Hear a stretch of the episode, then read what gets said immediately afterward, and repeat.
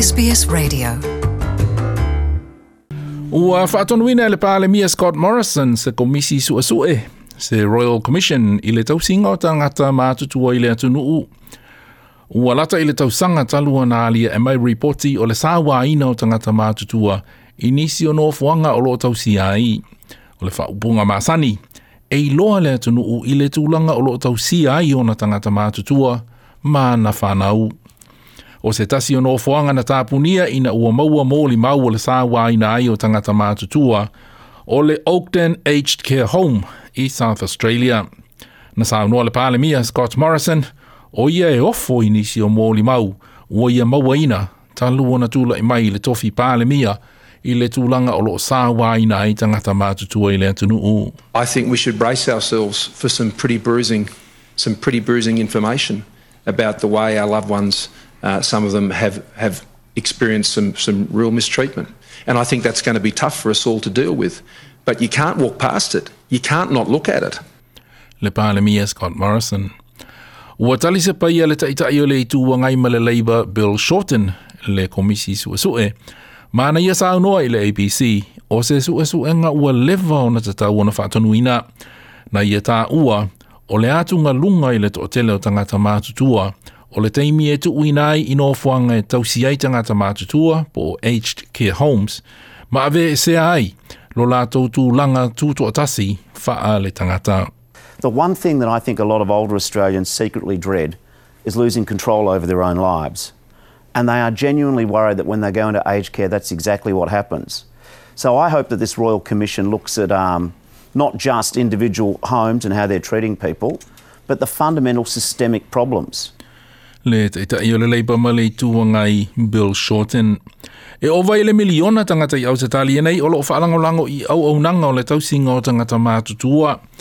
I le isi se fulu tausanga o lumanai, o le a matua mōli mawina, po le a mōli mawina le matuasi i tia o le nei fuainu mera, ona o le toatele o tangata ua whaasolo i na mātutua, ua moe moe langoto le soifuanga. fuanga.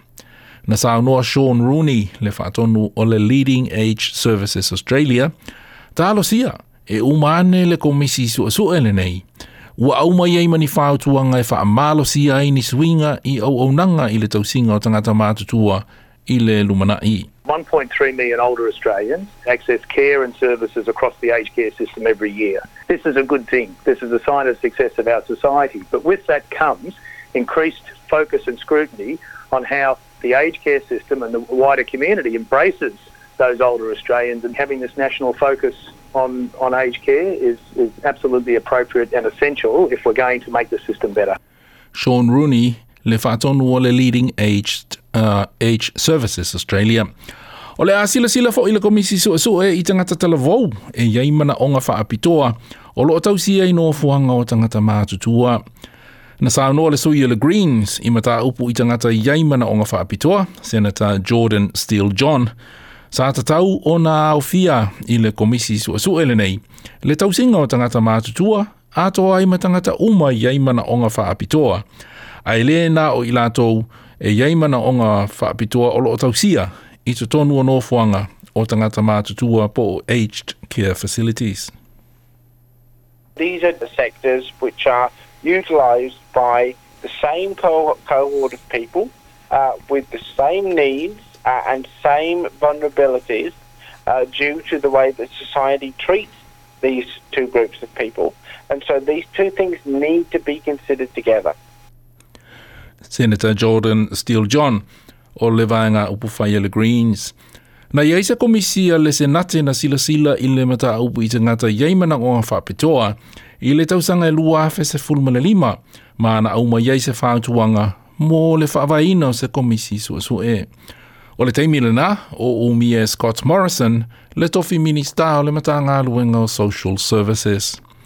Ua whaatuaina Senator Still John le pālemia Scott Morrison, ina ia whaalau tele le li o o le komisi sua su e. When the Senate inquiry was handed down, Scott Morrison was the Social Services Minister. Um, he decided to do nothing um, and uh, has remained silent on this issue. We missed the opportunity um, to make sure that disabled people have justice in 2015. Uh, Scott Morrison cannot be allowed to miss this opportunity again. Senator Jordan Steele John o le vāinga upu whai e le Greens. Nā whai tio ina nisi le pāle mia ma le whainga mālo o le so o whātasinga, i le tipi ina o Fesoa Swani i o onanga i le tausinga o tangata mātutua. Ma avea ma se tasi o māfua anga o le whawhita uli e pei o na whaasino tonu i nei i ai le ngā luenga al le Royal Commission le komisi sua i le tau singa o tangata mātutua. Na sā noa Eb, Ebony Bennett, le sui whatonu, o le Australia Institute, i se tananoanga ma le Sky News, e te tau ona sila sila le komisi So, e, i le o i le o tangata mātutua. I definitely think that uh, the funding issue will come up as part of the Royal Commission because as long as this government continues to have an economic plan that only consists of cutting taxes, that's going to mean less funding down the line when it comes to making choices about what type of quality aged care sector we want to have. Ebony Bennett, Ole Australia Institute. O le reporti lena na e Evan Young o le SBS Newsroom. Tell us what you think. Like us on Facebook or follow us on Twitter.